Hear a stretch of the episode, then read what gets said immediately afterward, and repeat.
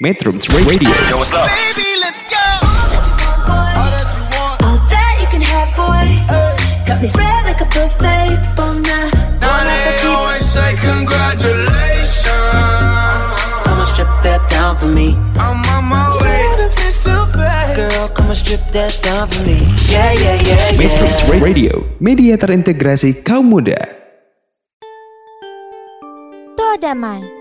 Protes boleh, tapi kalem. Halo metronom, selamat datang di program acara Toa Damai. Protes boleh, tapi kalem. Ini adalah sebuah platform yang diciptakan anak muda untuk menyuarakan damai.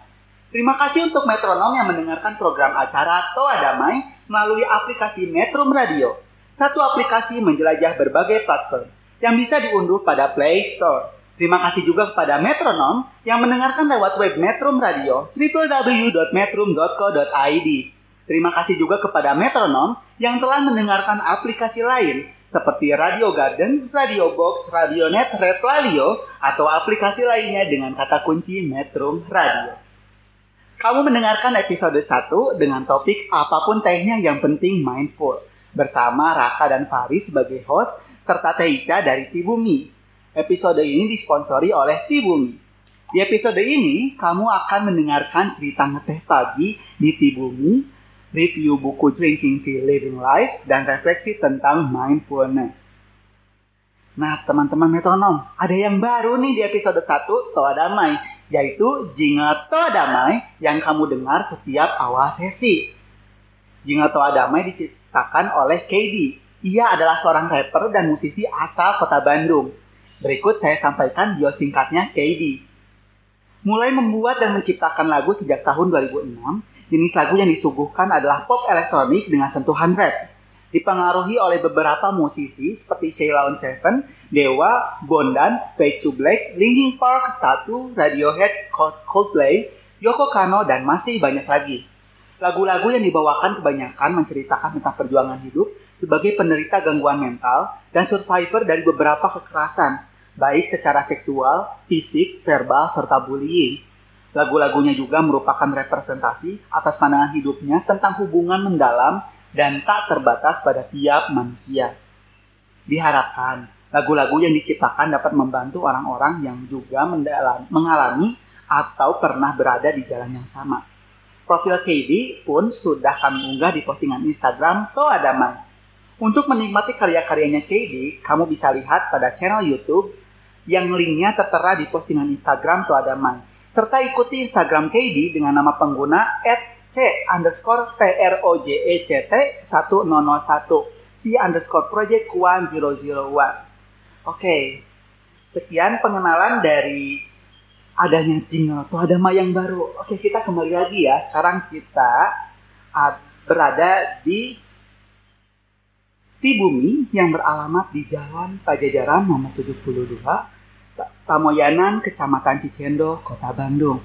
Nah, aku Raka dan di sini sudah ada host rekan saya, ada Faris. Halo teman-teman metronom. Dan ada Teh Ica. Halo. Halo teman-teman metronom. Oke. Nah, sekarang kita sudah ada di Tibumi, sudah bareng juga Teh sama Teh Ica nih. Nah, kita pengen tahu dong, eh, Teh Ica itu siapa sih? Dan kemudian Tibumi itu gimana ya? Oke, silakan. Iya, terima kasih. Halo teman-teman metronom. Perkenalkan nama saya Meiping Chandra. Biasanya eh, lebih dikenal dengan Teh Ica ya biasanya.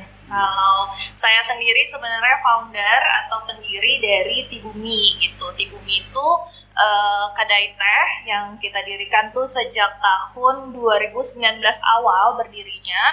Tapi eh, kita tuh sudah pikirkan tuh sejak 2018 sebenarnya untuk buka tapi karena ada beberapa kendala teknis uh, nyari source tehnya dan lain sebagainya akhirnya kita buka itu di Januari 2019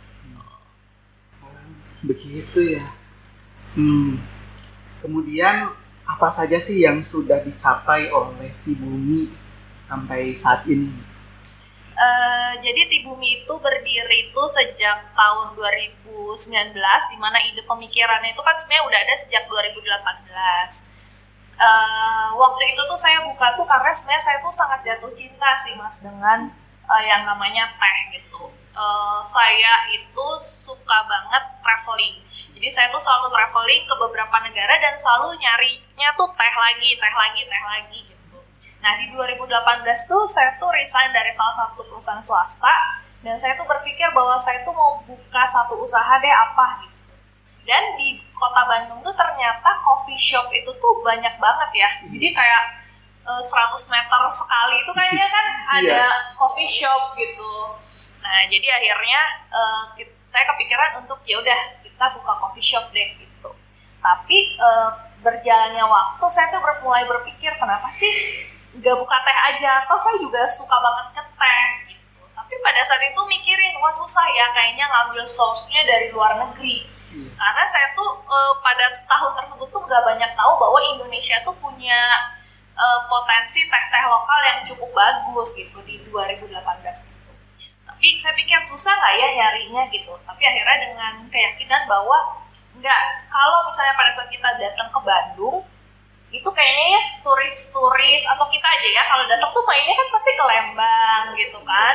Eh, ke Ciwidey which is kan bener dihamparkan oleh pemandangan kebun teh kan. Jadi saya pikir ya udah kenapa nggak eh, berarti harusnya nih logikanya ada dong teh lokal Indonesia yang bisa kita promosikan bisa kita jual gitu.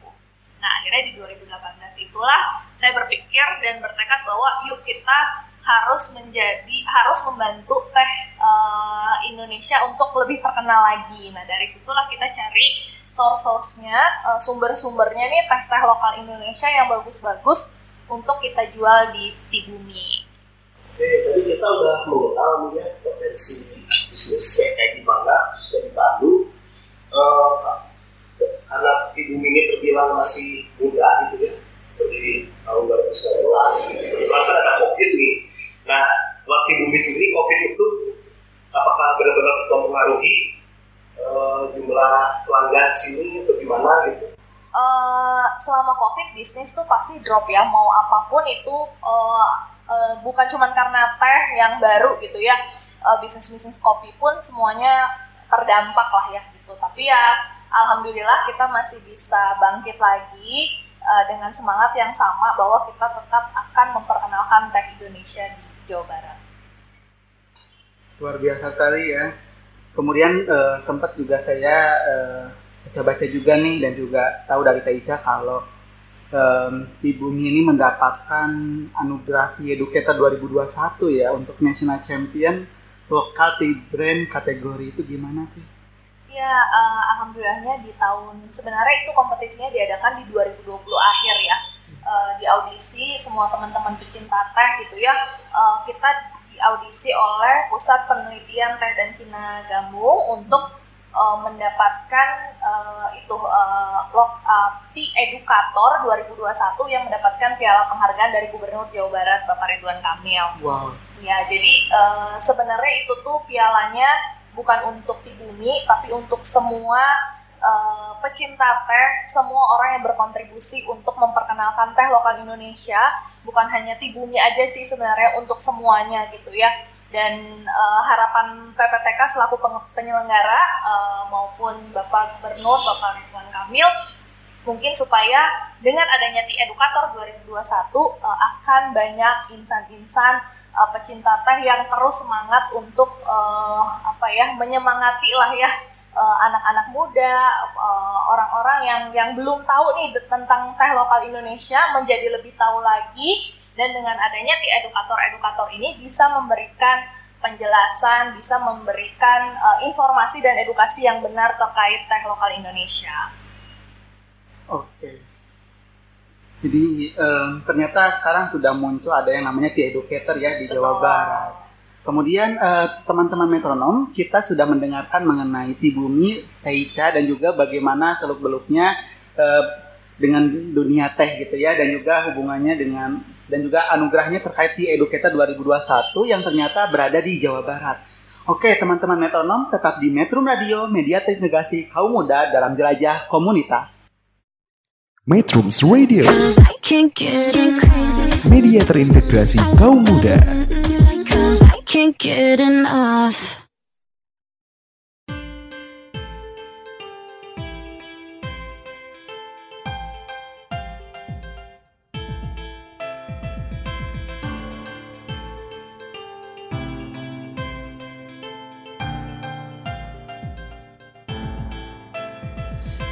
Di tempatku menatap semua pengumbar lalu Ingin ku kejar mereka dengan langkah kakiku. Namun hanya aku di sini berdiri. Rasa takut erat membungkam diriku. Rasa sedih dan sakit perlahan kikis aku rasa percaya akan diri terhapus dariku. Bahkan ku tak mampu definisikan diriku. Siapa aku? Inikah diriku? Bayangan dalam cermin terlihat asing bagiku. Dan perlahan tak lagi kenal wajah itu. Ku berubah jadi yang mereka labelkan padaku.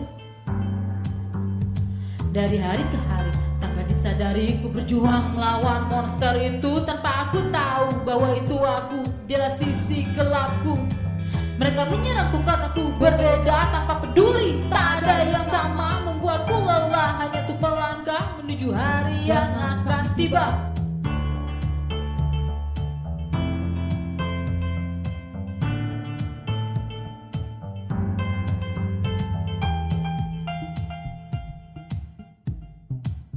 Bersabarlah akan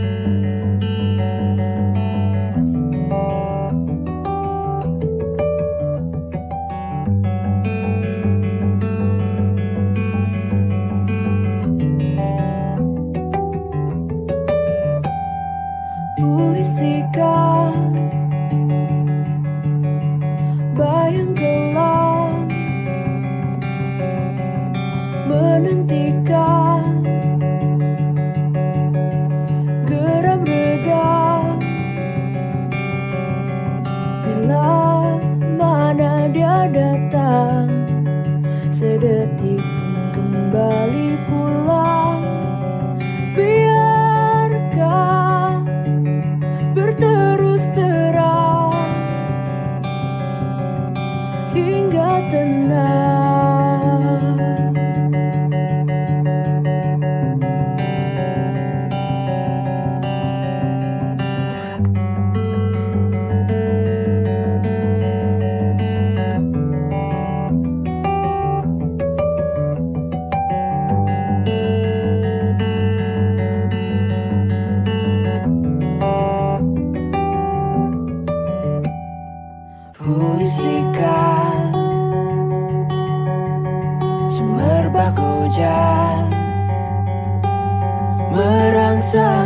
да.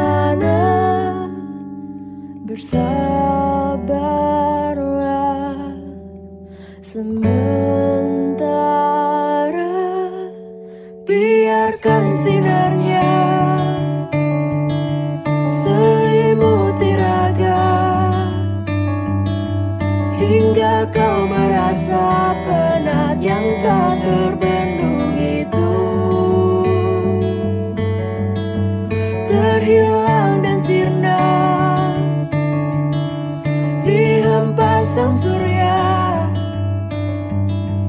Kini yang tersisa luapan samudra membiru. Hingga tenang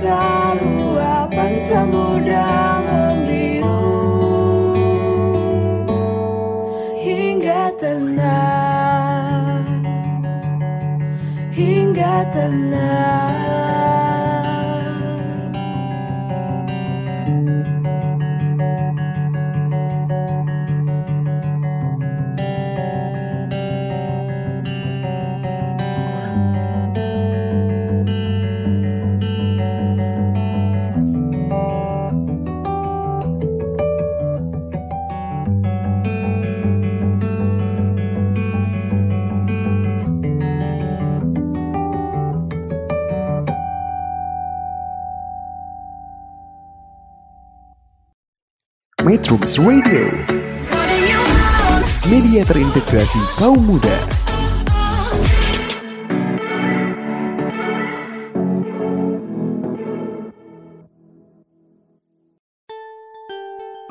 Toh damai.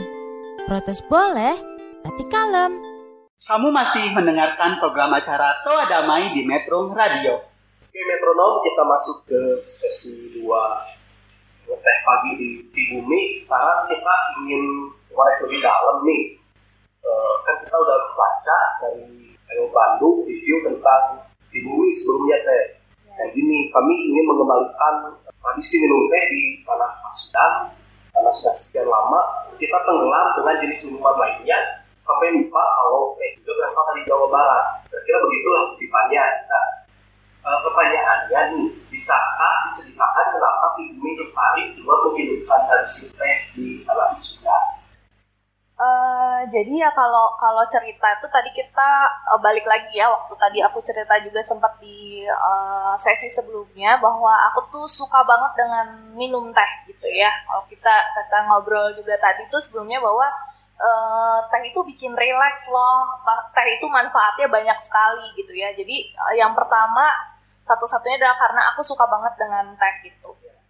Nah, tapi eh, sebenarnya kalau aku kan sebenarnya bukan orang Bandung asli ya aku nih orang-orang perantauan dari Kalimantan gitu. Jadi aku sebenarnya nggak tahu banyak, nggak tahu pada saat aku datang ke Bandung itu, aku nggak tahu bahwa ternyata Jawa Barat itu menghasilkan eh, banyak sekali tanaman teh gitu kan.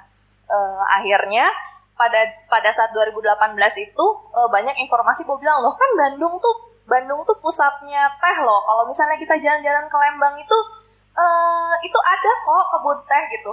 Akhirnya baru realize, oh iya ya kalau kita jalan-jalan ke Lembang, ke Ciwidey, itu kan banyak sekali kebun teh. Terus tehnya ke mana? Terus tehnya kita nikmatin gak sih gitu kan? Nah akhirnya eh, dari situ aku banyak baca eh, referensi-referensi sejarah lah gitu, di mana bahwa memang eh, pada pada masa penjajahan dulu kita tuh eh, teh itu tuh disebut sebagai emas hijau. Jadi banyak sekali penjajah yang datang ke kota Bandung, ke Jawa Barat khususnya karena mereka merasa bahwa ini eh, apa ya tanah ini tuh tanah itu ini ini bahasa Simone ya tanah ini cantik gitu tanah ini tuh eh, bahasanya apa ya, topografinya tuh bagus untuk ditanam tanaman yang namanya teh kan kalau penjajah mereka pinter kan mereka mereka cari tahu bahwa apa sih sebenarnya yang bagus gitu akhirnya mereka bilang bahwa teh ini bagus ditanam di Pasundan di Jawa Barat. Nah akhirnya ditanamnya eh, diterapkannya lah sistem tanam paksa itu salah satunya adalah teh. Sehingga teh itu sebenarnya eh, sudah sangat populer sejak lama eh, di eh, masyarakat kita khususnya Jawa Barat gitu kan. Makanya nggak heran kalau setiap kita makan mau di sudut mana pun kita makan ya kita kan selalu disuguhin komplimen teh teh tawar kan gratis kan gitu. Karena itu tuh itu bukan tanpa sebab tanpa alasan. Karena waktu di Kalimantan saya beli teh juga kayak teh tawar mungkin 5000 loh mas. Kok di Bandung tuh dapat gratis gitu kan.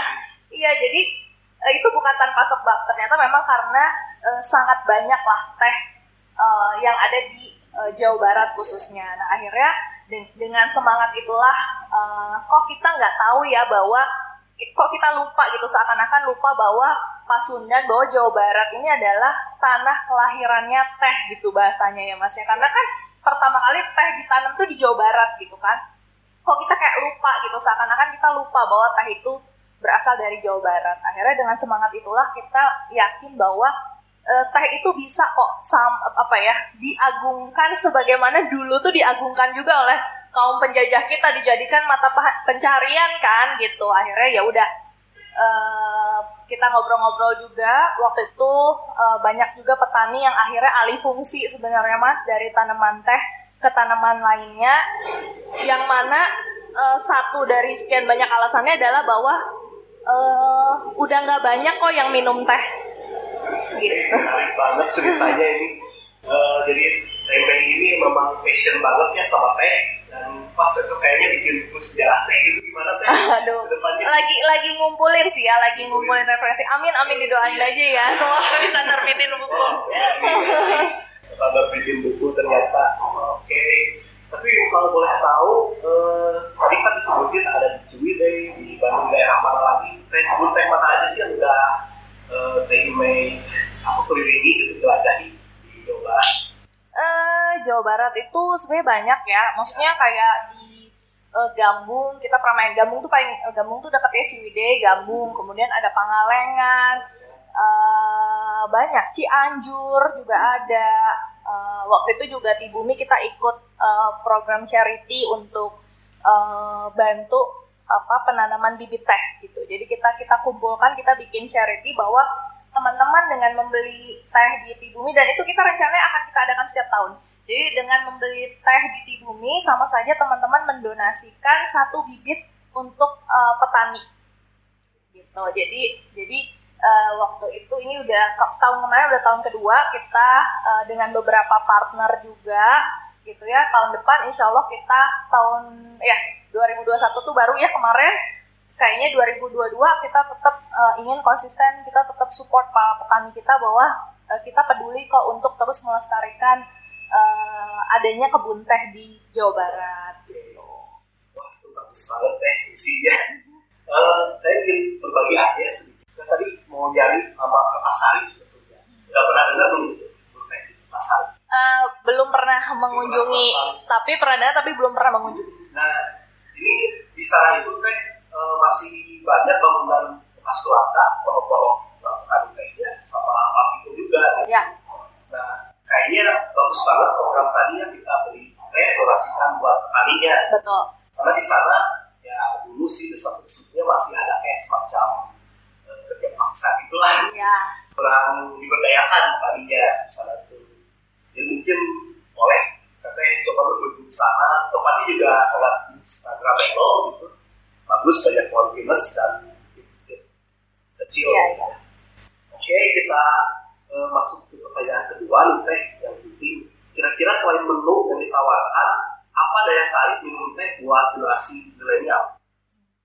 eh kalau daya tarik ya, yang pertama itu sebenarnya sudah pasti sebenarnya pilihan menunya ya. Karena kita tuh sebenarnya kita kasih pilihan menu yang uh, fancy lah ya bahasanya, yang instagramable gitu. Biar uh, kaum muda itu tak tertarik dulu nih untuk datang tahu tentang Tibumi dan cobain ya gitu. Itu tapi eh, sebenarnya yang jauh lebih penting dari itu adalah sebenarnya bukan masalah itu aja gitu ya. Karena karena eh, rasa itu kan ya kalau menurut aku itu tuh sebenarnya pemikat aja gitu tapi sebenarnya yang harus eh, kaum milenial atau kaum muda kita sadari gitu ya khususnya khususnya untuk apa ya eh, terima kasih banget gitu ya metronom mau datang ke Tibumi jadi kita bisa menyuarakan gitu ya via Toa Damai ini gitu bahwa eh, dengan kita minum teh dampak lingkungannya itu tuh sangat besar gitu ya dengan kita semakin eh, sering minum teh dengan kualitas baik eh, kualitas baik itu artinya kan harganya relatif bukan eh, bukan harga-harga yang murah ya. Otomatis eh, waktu kita beli ke petani juga harganya pasti lebih mahal dibanding kita beli kualitas yang biasa-biasa atau kita beli atau bahkan eh, worstnya kita beli teh-teh dari luar negeri lah gitu ya. Dengan kita beli teh lokal kita tuh sama saja dengan membantu kesejahteraan petani Indonesia gitu. Dan dampak lingkungannya apa? Dampak lingkungannya adalah kalau kita beli teh lokal Indonesia petani itu tuh nggak akan apa ya nggak akan berpikir untuk mengalih fungsikan kebun tehnya menjadi kebun yang lain. Nah, seperti kayak di Garut, Tasik, itu tuh banyak banget longsor karena kebun tehnya dialih fungsi menjadi kebun-kebun sayuran, yang which is nggak ada akarnya. Kalau teh kan akarnya akarnya ke dalam gitu masuk dan itu tuh bisa bantu untuk nyangga tanah gitu. Jadi sebenarnya dampak lingkungannya itu sangat besar sih. Jadi kalau mau diulik lagi lebih lanjut banyak banget sih sebenarnya kenapa sih kita harus minum teh lokal Indonesia gitu. Begitu metronom penjelasannya keren banget. Nah, ini Hmm, aku juga tadi terinspirasi soal yang eh, budaya minum teh, ya, tradisi minum teh. Kalau aku sih jadi ingat ketika masa kecil ya, aku dulu di pedalaman masih di, di Kabupaten Garut tapi di dalam banget gitu ya. Nah kita tuh punya kebiasaan kalau misalkan jamuan itu ada teh, ada satu lagi satu jenis teh lagi, namanya teh kewer. Oh, teh kewer. Saya belum pernah dengar tuh. Nah, iya, kita ada teh, ada teh kewer gitu. Kalau teh kewer itu kan dari daunnya kecil-kecil gitu ya, kayak bulat-bulat gitu, gitu. Jadi itu bisa digoreng, bisa jadi kayak gorengan gitu, bisa ditumis, dan bisa jadi teh gitu. Dan memang kalau yang khas bagi saya yang mengesankan itu adalah ketika eh, tehnya itu eh, dari apa disajikan dalam min- apa namanya gelas dan itu kaleng gitu. Kenapa tuh aku buat buat aku berkesan banget ya. Mungkin itu ya insight yang dari aku gitu ya. Mungkin eh, kita akan tahu lebih banyak lagi tentang budaya minum teh gitu ya dan juga lebih lanjut nanti di sesi 3 kita akan review buku tentang drinking tea living life. Tetap di Metro Radio Media Integrasi Kaum Muda dalam Jelajah Komunitas. Metrums Radio, Media terintegrasi kaum muda.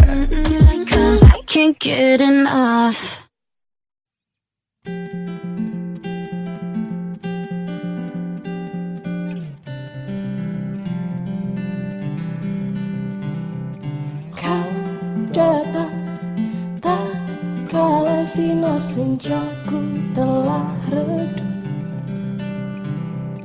dan pamit jika pun penuh seutuhnya Kau yang singgah tapi tak sungguh. Kau yang singgah tapi tak sungguh. Ku kira kau rumah Nyatanya kau cuma aku sewa Dari tubuh seorang perempuan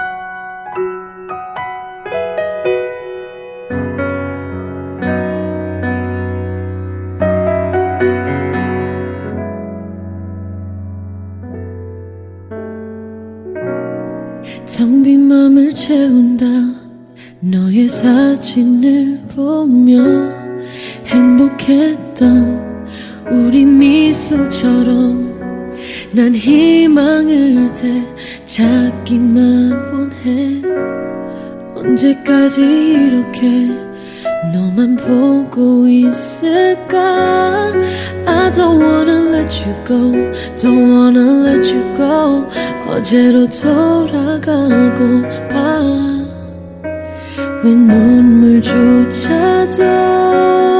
난 흘리지 마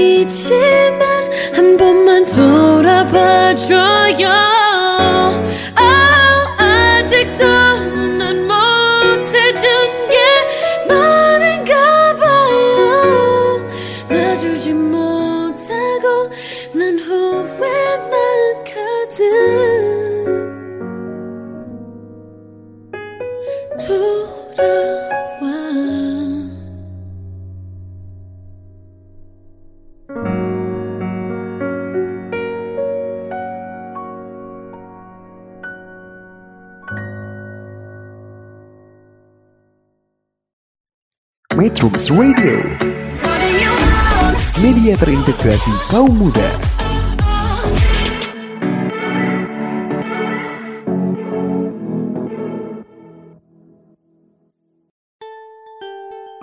Toa damai.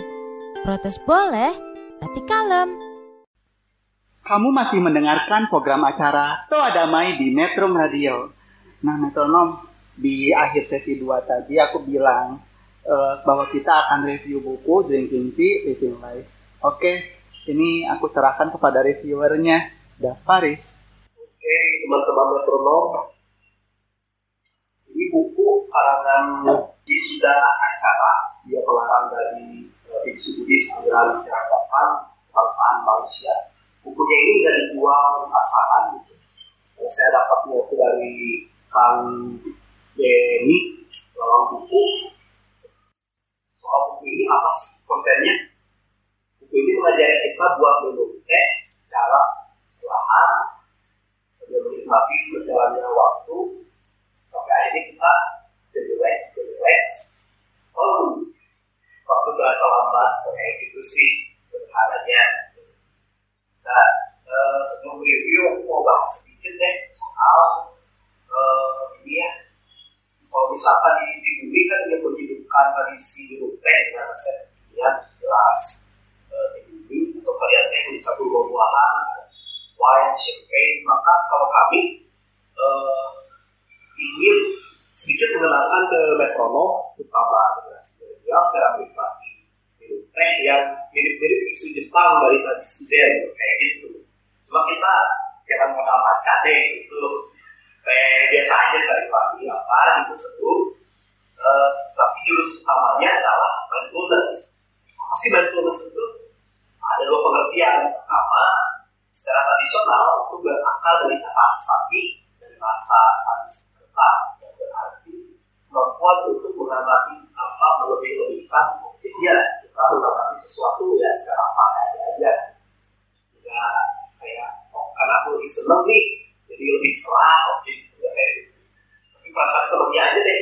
Eh, rasakan kayak gimana gerakan kita gimana kalau lagi nah sekarang kalau pengertian modern memiliki beragam arti seperti keterbukaan terhadap momen mencermati kebenaran atas perubahan hidup di situasi apakah ini daripada apakah kita kesadaran dari momen ke momen saat bernafas dan meninggalkan kesibukan pikiran dengan berusaha perhatian pada anak-anak psikologi yang tahu istilah semacam ini karena memang ya itulah pemikiran modernisme gitu ya. Dan definisi itu di kotak-kotakan ditunjukkan jadi makin spesifik. Ya intinya kalau mindfulness secara modern itu apa yang terjadi saat kita bermeditasi kondisi sangat sadar untuk diri sendiri. Nah soal meditasi nih ada kita Raka yang udah tahu banget nih soal meditasi apalagi soal enlightenment soal menyadari kondisi tubuh aku serahkan deh ke Raka Oke, terima kasih. Tadi Fari sudah jelaskan mengenai pengertian mindfulness ya, dan pendekatan yang kita tawarkan dalam minum teh. Berikutnya, saya akan jelaskan. Teknik minum teh secara mindful yang kami perkenalkan ini di sini bersumber dari buku Drinking Tea Living Life. Udah tadi dijelaskan ya oleh Visuda Cara. Oke, jadi kita langsung saja ya pada ritual teh kita. Jadi siapkan teh Anda. Bayangkan saat ini hanya ada Anda dan secangkir teh. Manakala Anda mengangkat cangkir, Anda merasakan gerakan otot jari, tangan, dan lengan yang membawakan teh sampai ke mulut. Cobalah hirup aroma teh sebelum meminumnya. Dan rasakan berlalunya cita rasa teh di lidah Anda sebelum tegukan selanjutnya. Nikmati juga bagaimana waktu berlalu bersama menurunnya temperatur teh dari hangat ke dingin. Oke, jadi itulah uh, trik sederhana dalam cara kita men- menikmati minum teh dengan cara yang mindfulness. Nah, kita bersama Teicha nih, menurut Teicha nih bagaimana uh, pengalaman dan apa sih hubungannya gitu ya dalam pengalaman Teicha ini dalam minum teh dan juga kesadaran. Eh, kalau aku mungkin meresponnya secara uh, apa informasi yang aku tahu ya uh, Mas Eka di mana sebenarnya teh itu mengandung uh, asam ani, uh, asam amino L-theanin yang mana uh, L-theanin itu tuh membantu kita itu menjadi uh, lebih rileks gitu. Jadi uh, untuk beberapa pakar atau beberapa orang gitu ya yang memang sudah mengulik lebih jauh mungkin memang teh ini bisa menjadi uh, semacam sarana meditasi lah gitu ya karena memang kalau aku sih setuju bahwa uh, seperti proses yang tadi ada kita menghirup aromanya dulu gitu karena Iya, memang uh, aroma dari teh itu kan uh, uh, sangat aromatik ya dan Iya. segala sesuatu yang aromatik itu pasti uh, membantu uh, kita itu menjadi lebih calm, lebih tenang, lebih rileks. Tapi setuju banget juga tadi bahwa uh, kita harus mendengarkan diri kita sendiri juga. Uh, jadi pada saat kita mau minum teh, kita harus kenali juga uh, batas-batas kafein uh, yang kita bisa toleransi sehingga memang uh, tujuan-tujuan menjadi uh, relaksasi itu juga tercapai dan yang pasti pilihlah teh kualitas tinggi dari lokal Indonesia sehingga manfaat-manfaat dari teh tersebut bisa diterima tubuh dengan baik juga. Oke, terima kasih atas penjelasannya Teh Ica. Em, untuk tambahan juga mengenai praktik meditasi dengan minum teh ini juga sebenarnya mengajarkan kita untuk tahu batasan-batasan termasuk tadi yang sudah disebutkan oleh Teh Ica bahwa eh, dengan minum teh kita mencoba memahami toleransi kafein kita bagaimana kemudian kita bisa mengatur bagaimana efek dari minuman teh itu kepada tubuh kita dan itu akan mendorong dan membantu kita dalam bermeditasi. Oke. Nah, eh, berikutnya nih eh, dalam embodiment sendiri eh, bagi pengalaman saya gitu ya dalam melakukan minum teh itu benar-benar membantu saya kembali ke dalam em, kondisi-kondisi yang kita tenang, diri sendiri itu tenang dan juga em, bisa fokus kepada pekerjaan. Jadi yang sebelumnya merasa penuh tekanan dan fokusnya berlebihan sehingga kadang-kadang membuat diri merasa merasa tidak nyaman dan juga tidak eh, mulai merasa tekanan dalam tubuh juga terbentuk gitu ya. Misalkan sakit kepala mulai mual ataupun mulai sesak napas gitu ya. Atau yang sederhana deh jadinya mudah marah emosional tidak terkontrol. Kemudian eh, yang saya lakukan adalah mencoba mengambil minum teh kemudian me- menerapkan teknik-teknik yang tadi saya jelaskan.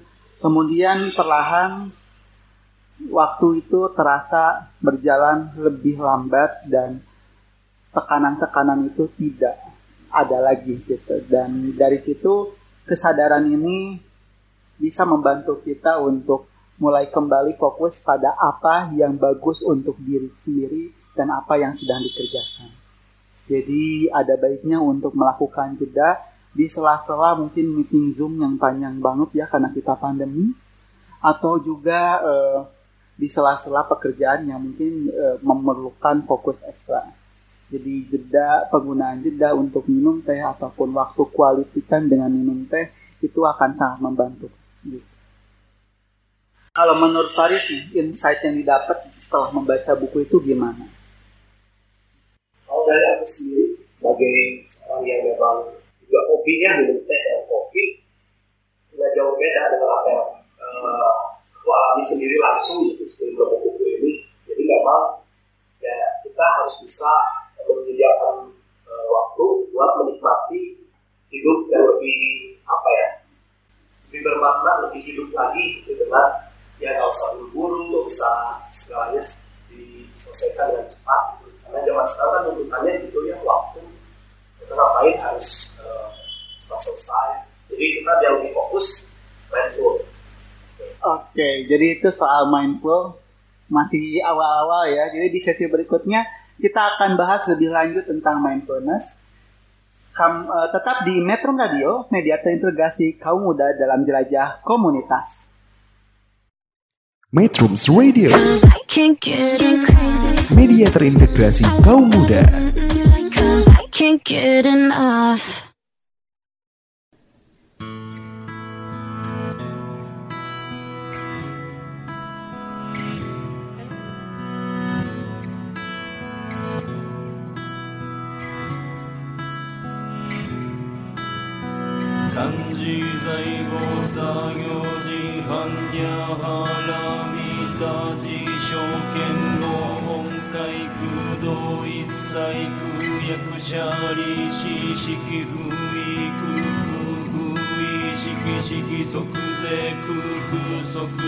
式重創業式薬部領税者利子税商法空送不商不熱不空不上不増不減で航空中無式無重創業式無限に微絶心に無式証拠未速報無限界内し無意識界無無明薬無無明人内し無老死薬無老死臨無空種別道無知薬無得意無所得公膨大殺多へ般若波羅蜜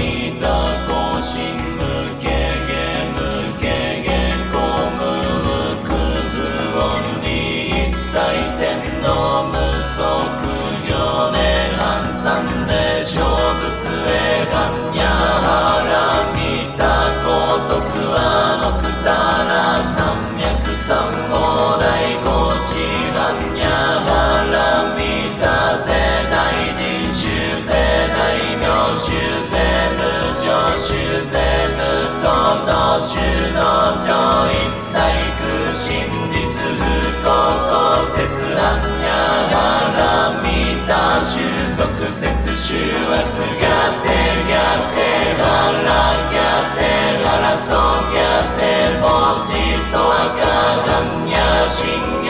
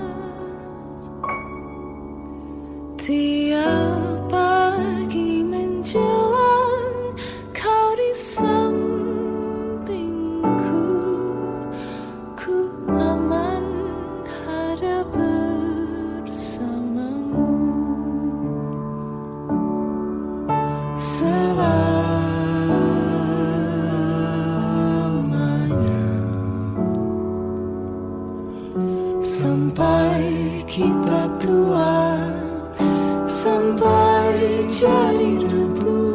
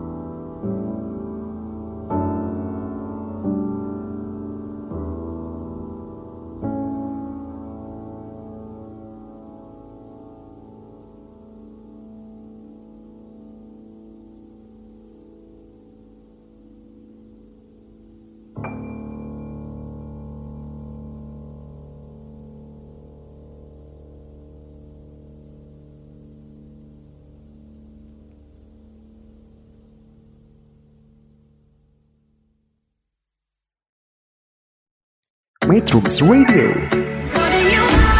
Media terintegrasi kaum muda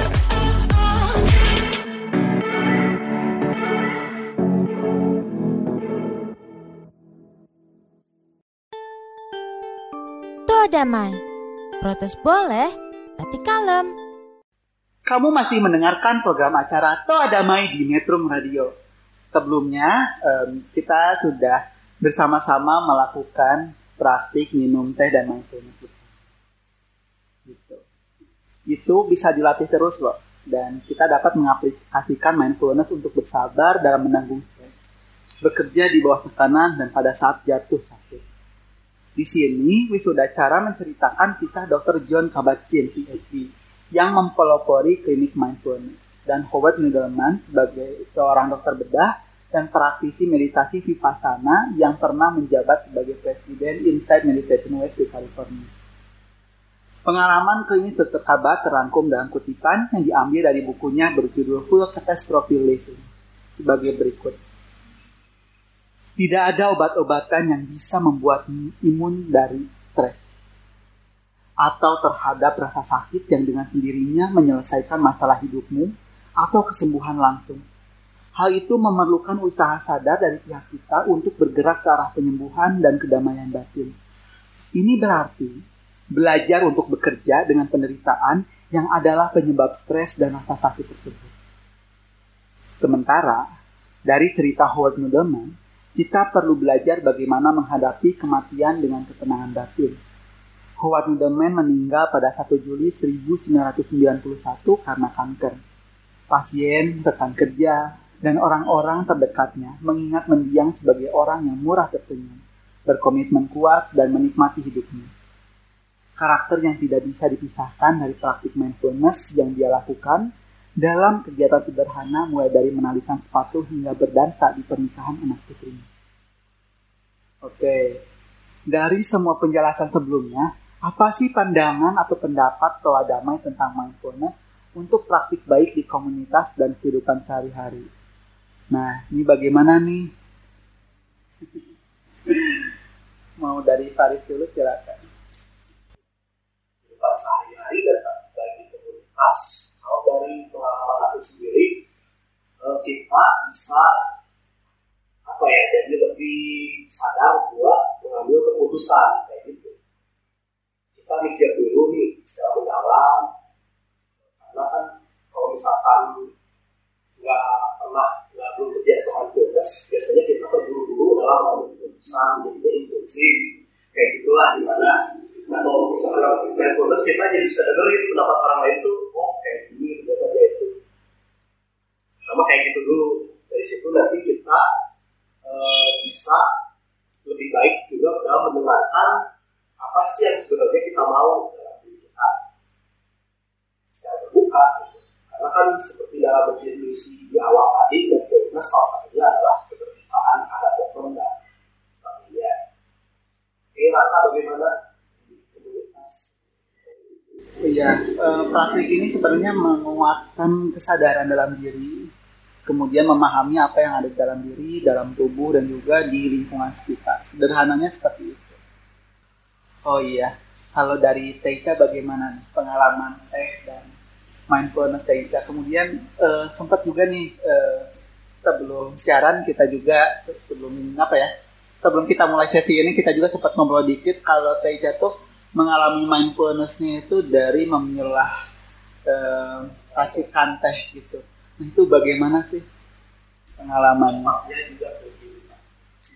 Eh, iya sih, jadi kan kalau eh, mindfulness itu kan kayak ya kita lebih care lah ya ke diri kita sendiri gitu kan gitu. Dan mungkin eh, kalau masalah memi- memilah dan meracik teh itu memang kalau menurut aku eh, terutama di masa pandemi ini ya kalau kita ngomong masalah mindfulness dan kaitannya dengan kesehatan ya kalau kita ngobrol tentang itu maka kalau menurut aku sekarang itu kita udah harus eh, memilih makanan dan minuman yang punya manfaat baik untuk kesehatan kita kan gitu. Nah eh, minum teh itu tuh salah satu eh, apa ya mindfulness juga gitu ya, tapi dengan memilih teh dengan kualitas yang baik. Nah, salah satunya adalah green tea itu tuh juga membantu meningkatkan gelombang alfa di otak kan, bisa meningkatkan eh, kita punya brain power juga gitu. Jadi eh, kita harus tahu sih apa sih yang punya manfaat-manfaat eh, manfaat-manfaat baik untuk tubuh. Kita sortir-sortir lah gitu ya. Eh, dan yang pasti eh, segala sesuatu yang berlebihan itu tidak baik gitu ya. Dan tadi juga sempat eh, diomongin bahwa ya kita sekarang pengennya yang calm lah ya. Jangan terlalu rusuh-rusuh. Jangan terlalu eh, apa namanya eh, buru-buru gitu ya. Eh, yang pasti kita fokus ke diri kita sendiri aja saat ini. Menarik banget. Oh iya, tadi disinggung ya, baiknya menggunakan tea. Nah kalau misalkan buat teman-teman yang toleransi eh, rendah tuh bagusnya teh apa gitu? Hmm, kalau balik ke kafein, sebenarnya kafein itu tuh sangat sensitif dengan suhu yang panas. Jadi kalau aku selalu sarankan kalau punya punya apa sensitivitas terhadap kafein, lebih baik minum teh-teh yang eh, bisa dikonsumsi dengan suhu yang tidak terlalu panas gitu. Contohnya white tea mungkin gitu. Kalau green tea kan eh, kafeinnya sebenarnya eh, lebih lebih tinggi tuh karena diseduhnya sedikit lebih panas daripada white tea gitu. Tapi kalau misalnya eh, saya pengen black tea nih minumnya teh, tapi aku sensitif banget ke kafein ya. Ya itu tadi mindfulness lagi ya. Kembali kita mendengarkan kita punya diri sendiri, kita punya eh, kayak ya udah gue cuman pengen seteguk dua teguk boleh lah ya gitu kan. Kalau minumnya seliter ya bisa gitu. Iya. gitu. Jadi kalau kita ngomongin masalah sensitivitas kafein setiap tubuh tuh punya eh, kita harus kenali aja gitu kita harus tahu gitu bahwa tubuh kita punya toleransi segini gitu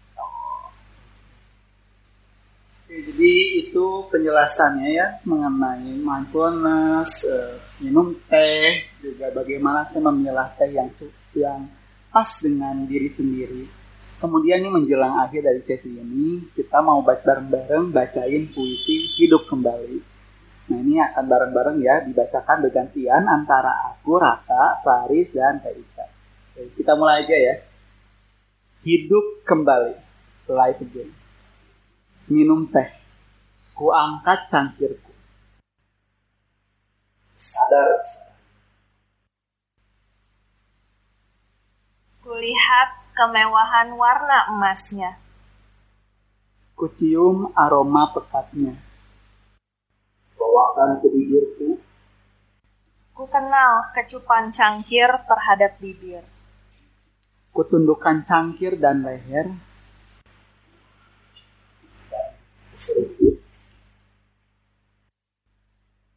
Ah ketenangan teh yang surgawi Ku tahu rasa dan kehalusannya. Ku kenal yang ku teguk Aku mewaktu dalam momen ini.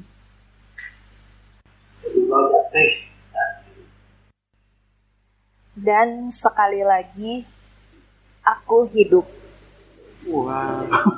Itu puisi yang sangat mindful banget dari wisuda cara yang menjelaskan prosedur minum teh gimana. Iya. Eh, teman-teman metronom, metronom kita di episode 1 sudah Oke. Kita sudah ngeteh pagi di Tibumi, kemudian kita sudah review buku Dignity Living Life dan sudah membahas mengenai mindfulness nih ya. Nah, untuk eh, sebelum kita menutup episode ini, kita ingin tahu sih eh, bagaimana eh, pesan-pesan dari eh, Teica untuk teman-teman metronom. Oke, silakan. Ya, pesan-pesannya untuk teman-teman metronom yang pasti adalah yuk kita eh, sama-sama gitu ya eh, mengembalikan eh, Pasundan sebagai tuan rumah eh, dari teh gitu ya. Caranya gampang banget. Teman-teman bisa minum teh lokal Indonesia gitu. Eh, bisa datang ke Tibumi mungkin salah satunya. Alamatnya ada berlokasi di Jalan Pajajaran nomor 72 gitu dan kalau balik lagi ke mindfulness uh, ya kita kita sadari aja apa yang apa ya apa yang kita perlukan apa yang diperlukan oleh tubuh kita gitu ya uh, text time gitu ya Uh, di saat-saat ini tuh kayaknya kita kita punya uh, banyak waktu juga untuk berpikir karena kan sekarang tuh kayaknya mau kumpul-kumpul juga susah ya gitu ya kita uh, text time untuk uh, berpikir apa yang baik bagi tubuh kita Uh, dan tetap uh, intinya mah jangan lupa selalu konsumsi teh lokal Indonesia. Oke, siap. Terima kasih banyak Teh Ica untuk kebersamaannya di episode 1. Nah, teman-teman pasti udah penasaran ya setelah episode ini ada apa lagi. Kita di episode 2 itu akan bahas buku Seni Tidak Melakukan Sesuatu oleh Tal Peggy. Dan narasumbernya masih dirahasiakan. Tunggu ya, eh, kita update ke poster episode 2 yang mendatang. Oke, terima kasih pada metronom yang sudah mendengarkan episode 1 dengan topik apa pun tehnya yang penting mindful bersama Raka dan Fari sebagai host, serta Teica dari Tibumi. Episode ini disponsori oleh Tibumi, Jalan Pajajaran nomor 72, Kota Bandung. Saksikan terus program acara Toa Damai, Protes Boleh, Tapi Kalem di Metro Radio, media terintegrasi kaum muda dalam jelajah komunitas. Sampai jumpa di episode berikutnya. Raka sebagai host pamit undur diri. Sampai jumpa. Kami host juga pamit undur diri. Salam dapat. Saya Ica pamit juga. Oke, sampai jumpa. Sampai jumpa. Metrums Radio. Yo, what's up? All that you can have, boy.